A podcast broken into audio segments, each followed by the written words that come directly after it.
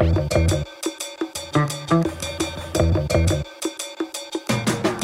Het is de laatste duidelijk van 2022 en we gaan het over geld hebben. Ik las tegenstrijdige berichten deze week. Arbeidsmarktexperten voorspelden in het laatste nieuws ontslaggolven en doffe ellende. De Nationale Bank van België zag het dan weer allemaal iets rooskleuriger en voorspelde dat de lang verwachte recessie er toch niet zou komen.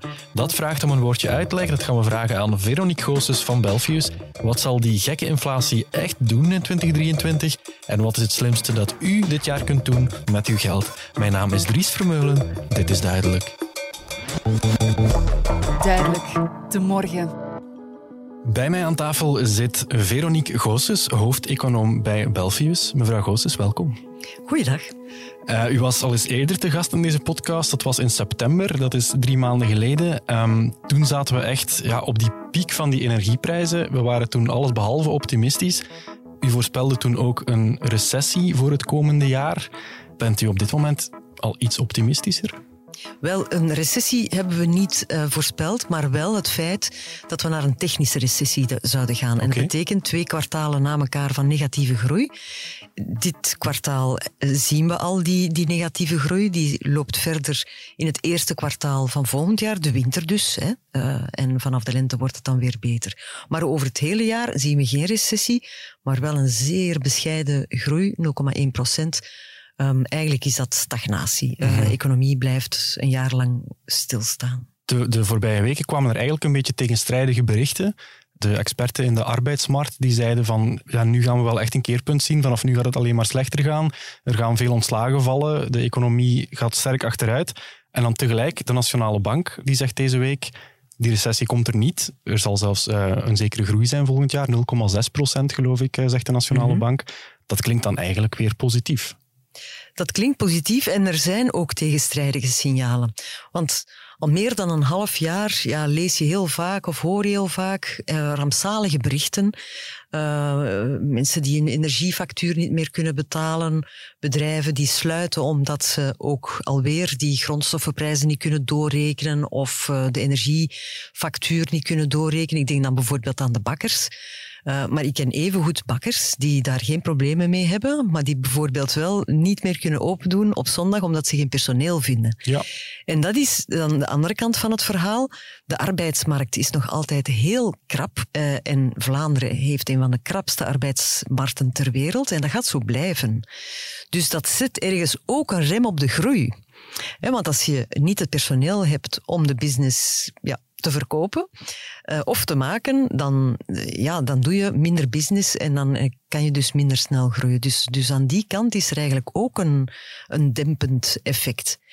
Andere tegenstrijdige signalen zijn dat je ziet dat de consument erg gedeprimeerd is. Het is al iets verbeterd, maar we zijn wel naar een historisch minimum gegaan dit jaar. En we zien dat eigenlijk niet in de data. Je ziet uh, dat consumenten blijven consumeren. Mm -hmm. um, Oké, okay, het is aan een trager ritme dan uh, vorig jaar bijvoorbeeld, maar desalniettemin, hij blijft consumeren. Ook die uh, bedrijfsleider is gedeprimeerd. Maar in onze transactiedata kunnen wij zien, en die zijn representatief voor de Belgische economie, dat die bedrijven eigenlijk nog wel oké okay zijn en nog altijd goed cashflows opbouwen. En dat we dus op dit moment die krimp niet echt zien in de reële data van vandaag. Ja, econoom Paul de Grauwe die schreef ook in onze krant, ondanks die vertragende economie, ondanks die hoge energieprijzen, is de koopkracht van heel veel Belgen er dit jaar eigenlijk op vooruit gegaan. Dus door die, we weten dat, door die automatische loonindexering worden de lonen in België eigenlijk zeer goed aangepast aan die nieuwe omstandigheden, aan die hoge inflatie dat is een tweesnijdend zwaard. Want mm-hmm. enerzijds inderdaad schaadt dat de competitiviteit van onze internationale ondernemingen. Want we zien die lonen in het buitenland absoluut niet zo hard stijgen. Uh, de komende jaren ook niet. Dus um, ja, die gaan duidelijk een nadeel hebben en dus ook marktaandeel verliezen op die internationale markten. Anderzijds kunnen diezelfde bedrijven hier in België wel hun prijzen makkelijker aanpassen. Net omwille van het feit dat die koopkracht hier veel beter beschermd is. Dus het is een tweesnijdend zwaard. Hè. Bedrijven kunnen hier relatief makkelijker hun prijzen aanpassen, in de hoogte dan in dit geval. Mhm. Net omwille van het feit dat uh, die koopkracht beschermd is. Maar ja, op lange termijn is dat natuurlijk iets wat we heel goed in doog moeten houden. De loonhandicap loopt tot 2025 op met uh, eh, 5,6 procent volgens de Nationale Bank. Uh, dat zijn cijfers die, die ook bij ons eigenlijk tot, tot zulke inschatting leiden. En dat is uh, iets ja, waar we echt voor moeten zorgen dat dat niet uit de hand loopt. Want natuurlijk, het, het is een zelfvoedend proces. Namelijk, nu in januari zullen de voedingsbedrijven, um, zeer grote sector, de voedingsindustrie, met meer dan 90.000 mensen te werk gesteld in de werkgelegenheid, de grootste sector eigenlijk in dit land, gaat een uh, indexaanpassing krijgen van uh, ruim 10 procent. Die gaan dat ook doorrekenen. En dat wil zeggen dat onze inflatie in België behoorlijk blijft de komende jaren. Um, volgend jaar al zeker. Hè. Dit jaar zitten we om en bij de 10 procent. Volgend jaar zal dat nog steeds een dikke 6 procent zijn. Hoger dan in de eurozone. En dat heeft onder andere te maken met die loonkosten die worden vertaald door producenten, dienstverleners in hun prijzen de belangrijkste oorzaak toch wel van die waanzinnige 10% inflatie van dit jaar zijn de energieprijzen. Daar mogen we misschien nu wel zeggen dat het ergste achter de rug is, of zo lijkt het toch. Die, de, de echte pieken die we in augustus, september hadden, die zijn toch voorbij. Hè? Dries, ik hoop het met jou. Daar zijn we absoluut niet zeker van. U zei vorige keer, je zou beter een weerman interviewen dan mij. heb je dat, al gedaan ondertussen? Nee, ik moet toch even van niet. Pas op, ze doen dat niet graag hoor, want dat is echt uh, niet zo gemakkelijk. Um, maar... Wat er allemaal kan gebeuren in het nieuwe jaar, weten we eigenlijk niet we spreken hier heel een tijd over een basisscenario. We gaan ervan uit dat dat de hoogste probabiliteit heeft, maar de neerwaartse risico's zijn echt wel groot. Wat heeft Poetin nog in zijn koker zitten voor het komende jaar? Mhm. Hoe streng wordt de winter nog? want uh, toen we de afgelopen week met die enorme vriestemperaturen zaten, hield ik mijn hart vast. Want als dat de hele winter doorduurt, gaan onze voorraden, waarvan je weet dat die uh, vol zitten, gaan die heel snel slinken en wordt het volgend jaar heel moeilijk om die terug op te vullen. Want het Russisch gas komt niet meer binnen. Mm en we moeten het dus elders in de wereld gaan halen, wat we nu ook gedaan hebben met LNG, het vloeibare gas. Maar uh, dit jaar was eigenlijk de Chinese economie, uh, ja, die, die lag een beetje op apengapen door hun uh, zero-covid-politiek. Maar volgend jaar verwachten we dat die terug gaan hernemen. En als je op dat moment een krachtig China krijgt, of een krachtiger wordend China, dat ook LNG nodig heeft en zal bestellen, dan moeten wij opboksen tegen de Chinezen. En dan zou die prijs weer eens de hoogte kunnen ingaan. Dus het hangt van zoveel factoren af. en, en kan dus ehm, ja, nog, nog eh, echt roet in het eten gooien. Nu is het zo dat de futures op dit moment ze zijn weer gezakt. Hè. We mhm. zien nu, ze zijn gezakt, maar als je gaat kijken naar uh, wat de verwachting is voor volgend jaar, dan zitten we nog altijd met prijzen die uh, vijf, soms tot zes keer hoger liggen dan wat we gewoon waren voor COVID. Mhm. Dus gasprijzen blijven hoog. En gaan in de loop van 24 gaan die naar beneden, volgens de futures. Maar dat zijn altijd marktverwachtingen. En eigenlijk, het is het enige dat we hebben. Mm Kan allemaal goed komen, maar we zijn er niet zeker van. Dus we moeten toch voldoende rekening houden met een slechter resultaat. En dan zouden we best wel naar een krimp, een krimp van een procent kunnen gaan.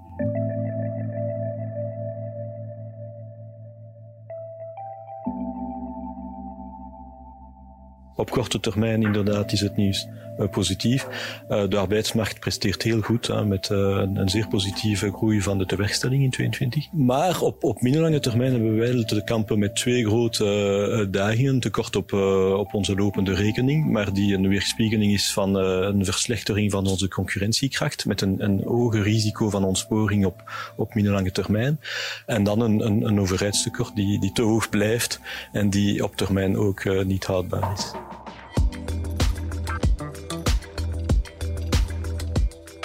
De Nationale Bank, aan de ene kant zeiden ze, ja, er komt geen recessie, dus wat dat betreft eigenlijk een redelijk positieve boodschap. Aan de andere kant zeiden ze ook wel, die begroting in België, dat is wel echt iets om in de gaten te houden. Europa heeft ons daar ook al voor op de vingers getikt. We hebben eigenlijk het slechtste rapport gekregen van de hele eurozone.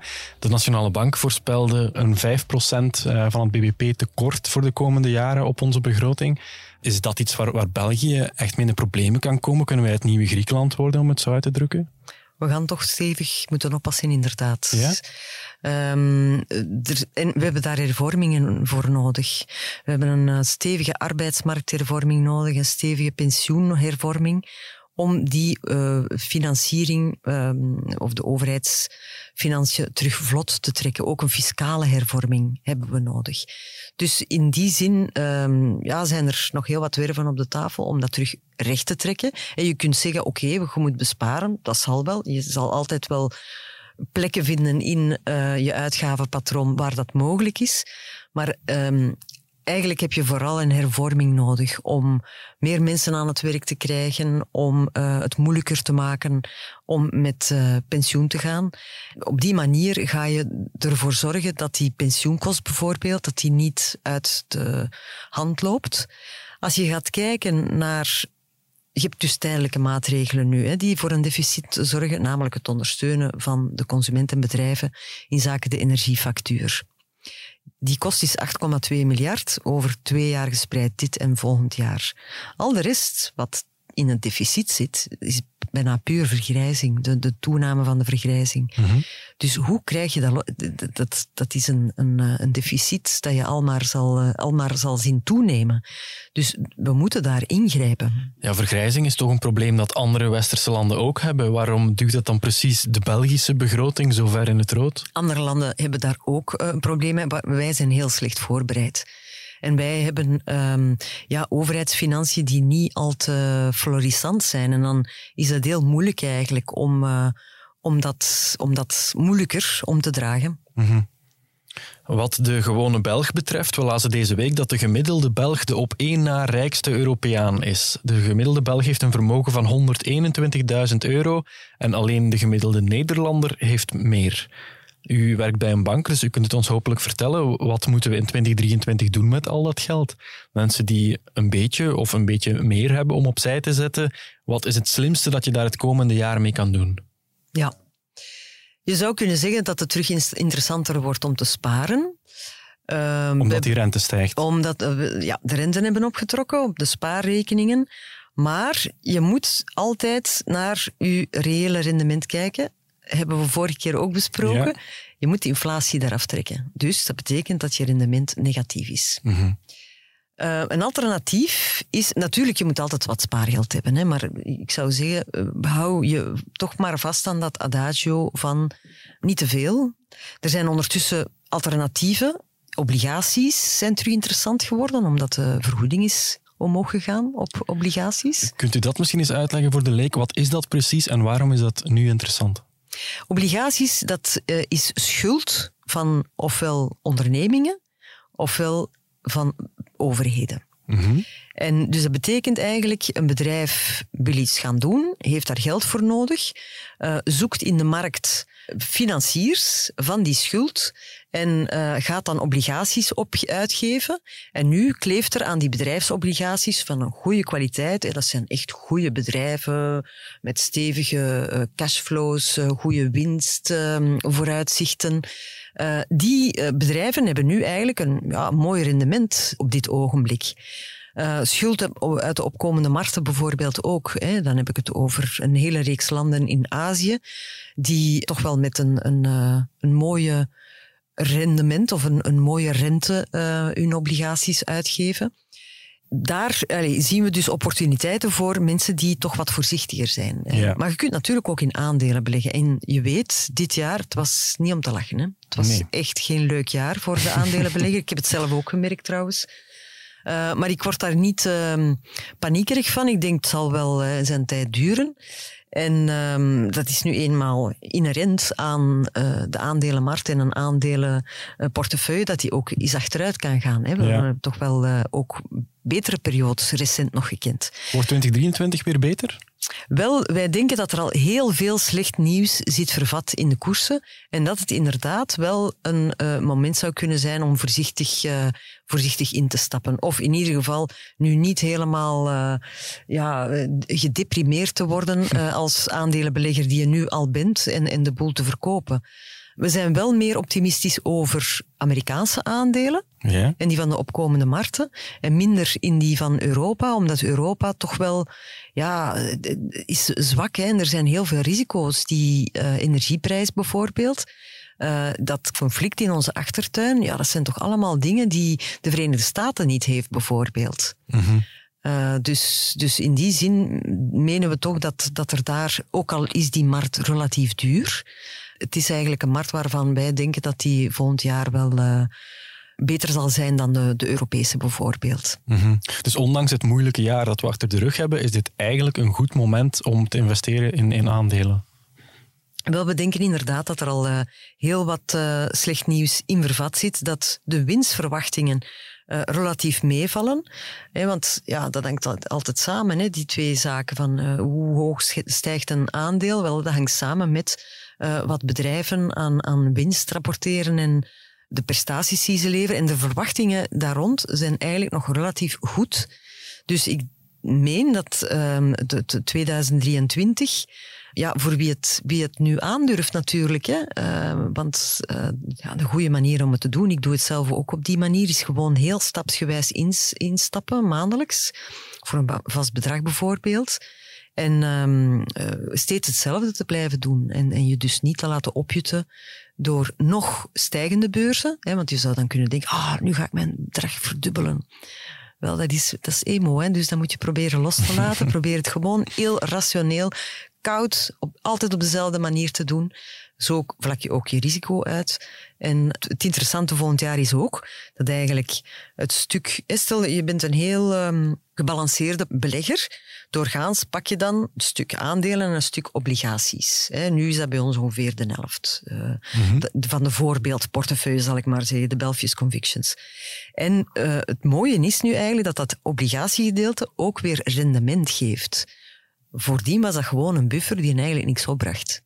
Dus, en, en dat is ook wel interessant natuurlijk, dat dat deel van de portefeuille in een, ja, een gebalanceerde portefeuille, je het niet anders zeggen, um, dat, dat je daar nu ook rendement van zal krijgen. Ja, stel nu dat ik, ik ben een leek, ik ken niks van de beurs, ik ken niks van beleggen, maar het is mijn goede voornemen om na nieuwjaar iets verstandigers te gaan doen met de spaarcentjes die ik heb. Hoe begin ik daaraan? Wat is het eerste dat ik in januari ga doen? Je kan verschillende dingen doen. Je kan inderdaad belegger worden. En um, dan zijn er zoveel mogelijkheden om, om dat te doen. Uh, ik denk dat je dan best eens gaat praten met je financieel adviseur. Heel vaak is dat een bank. Om uh, de mogelijkheden in te schatten.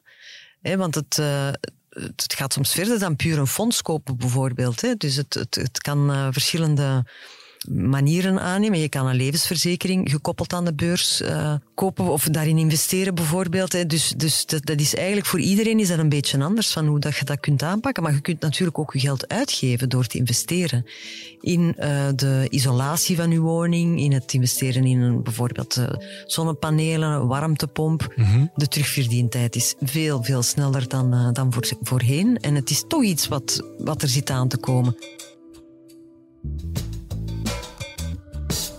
Thank you. Zonnepanelen, warmtepompen, dan komen we bij de huizenmarkt terecht. 2022 was het eerste jaar, althans in mijn herinnering, waarin te horen viel dat die knotsgekke vastgoedmarkt eindelijk begon te kalmeren. Is ze dat ook echt aan het doen of is dat maar schijn? En betekent dat dan dat dit een ideaal moment is om een huis te kopen? Daarvoor heb ik even gebeld met Bart van Opstal, woordvoerder van notaris.be. Die verklapt dat wie een beetje kan klussen het komend jaar gouden zaakjes kan doen. We komen natuurlijk uit een heel um, uitzonderlijke tijd. Eh, in, in die zin dat de, de vraag naar vastgoed na corona was enorm gestegen. Zowel bij jonge mensen als bij, bij investeerders. Zij zijn eigenlijk beiden tegen elkaar beginnen uh, zeg maar opbieden. Hè. En, en dat had als gevolg dat de prijzen behoorlijk gestegen zijn. En dat had ook als gevolg dat uh, dat je heel snel moest zijn als je iets wilde kopen. Hè. nu zie je dat sinds dat derde kwartaal van dit jaar, dat er misschien wel een tendensbreuk aan de gang is, waarbij dat je terug naar een evenwichtigere markt gaat. Wil dat dan zeggen dat dit eigenlijk een goed moment is, of dat het komende jaar misschien een goed moment kan zijn om te investeren in vastgoed? Ehm, wel, het, het, voordeel wat je vandaag de dag hebt, is dat je terug wat ruimte hebt om te onderhandelen. Hè? Daar waar je vroeger in een heel oncomfortabele situatie zat als koper. Je, de, de vraag was niet altijd van hoeveel moet ik hier afbieden, maar de vraag was soms hoeveel moet ik hier opbieden uh, om het eigendom nog te kunnen krijgen. Hè. Uh, dat is nu toch wel wat aan het keren. Er is weer ruimte voor onderhandelingen.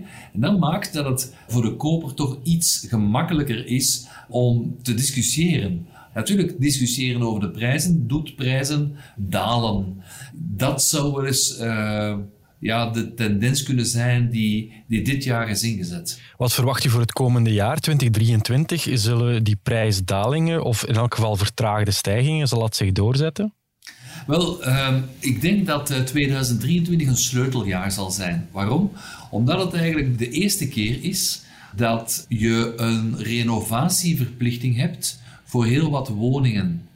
Uh, voor, voor elke woning die je koopt na 1 januari van 2023 met een slecht energielabel, een, een label E of een label F, daar heb je de plicht om binnen de vijf jaar te renoveren. En de vraag is natuurlijk, welke invloed zal dit hebben op de vastgoedmarkt? Ik kan mij inbeelden dat als je nu koper bent van een woning die een slechte energiescore heeft, dat je toch wel eens zal onderhandelen als je goed ingelicht bent, omdat je precies weet dat die renovatieverplichting erop zit.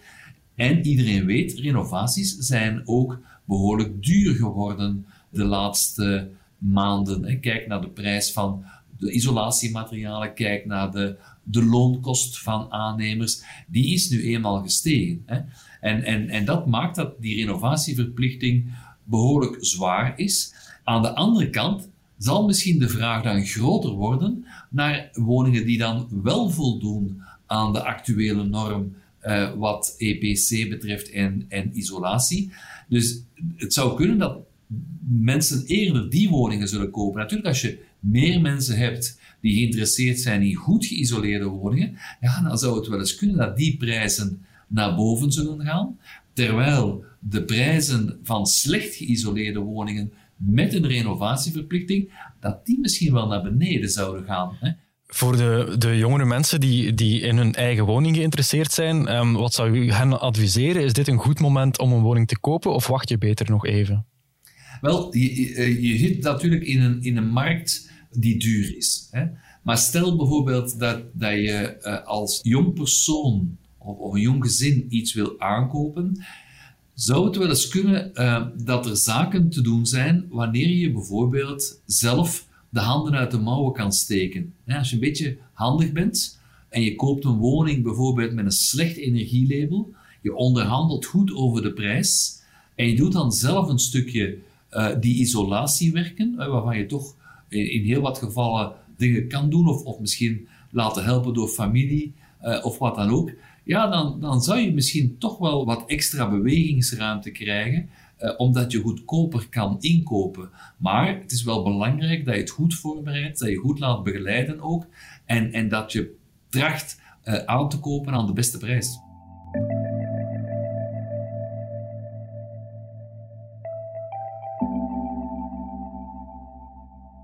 Veronique Goossens, we gaan deze aflevering stilaan afronden. Ik leer altijd ontzettend veel bij wanneer u langskomt. Deze keer onthoud ik, in januari stap ik naar mijn bank en zeg ik, doe iets met mijn geld. Ik zou dat doen, ja. En als het goed is, dan steken ze dat deze keer in obligaties en in Amerikaanse aandelen. Wel, heb jij een pensioenverzekering? Uh, die heb ik, ja. Oké, dat is al dat goed. is al goed, hè? Ja, ja dat is al goed. dat is de eerste stap. Ja. Ja, je moet het bekijken. Dat hangt echt van ieders situatie af. Je, je wordt ook bevraagd hè, door, door je bankier van wat is je horizon bijvoorbeeld? Mm -hmm. Heb je dat geld nodig in de komende tien jaar? Of is dat iets voor ergens in verre, verre toekomst? Hoeveel risico kan jij aan? Zo'n zo jaar als dit, jij, ga jij daar wakker van liggen? Als je zegt, ja, nee, ik denk op de lange termijn en ik weet dat dat kan gebeuren. Ik zal daar rustig onder blijven. Voilà, dan kan je al wat meer risico aan. Dus het hangt echt af van, uh, van je profiel, van je leven op dit ogenblik, je lange termijn doelstellingen. Maar op lange termijn is, is, uh, is dat een, een goed idee, uiteraard. Oké, okay. goed. Veronique Goossens van Belfius, dank u wel voor het gesprek. Dank Dries. Ik bedank ook Bart van Opstal van notaris.be en u, beste luisteraar, bedank ik natuurlijk ook weer om erbij te zijn. Ik bedank u om een heel jaar lang naar ons te luisteren, want dit was de laatste aflevering van 2022. Maar niet getreurd, na twee weken vakantie zijn we er in januari gewoon opnieuw elke donderdag. Dus ik wens u een fantastisch eindejaar toe en heel graag tot in januari. Dit was duidelijk.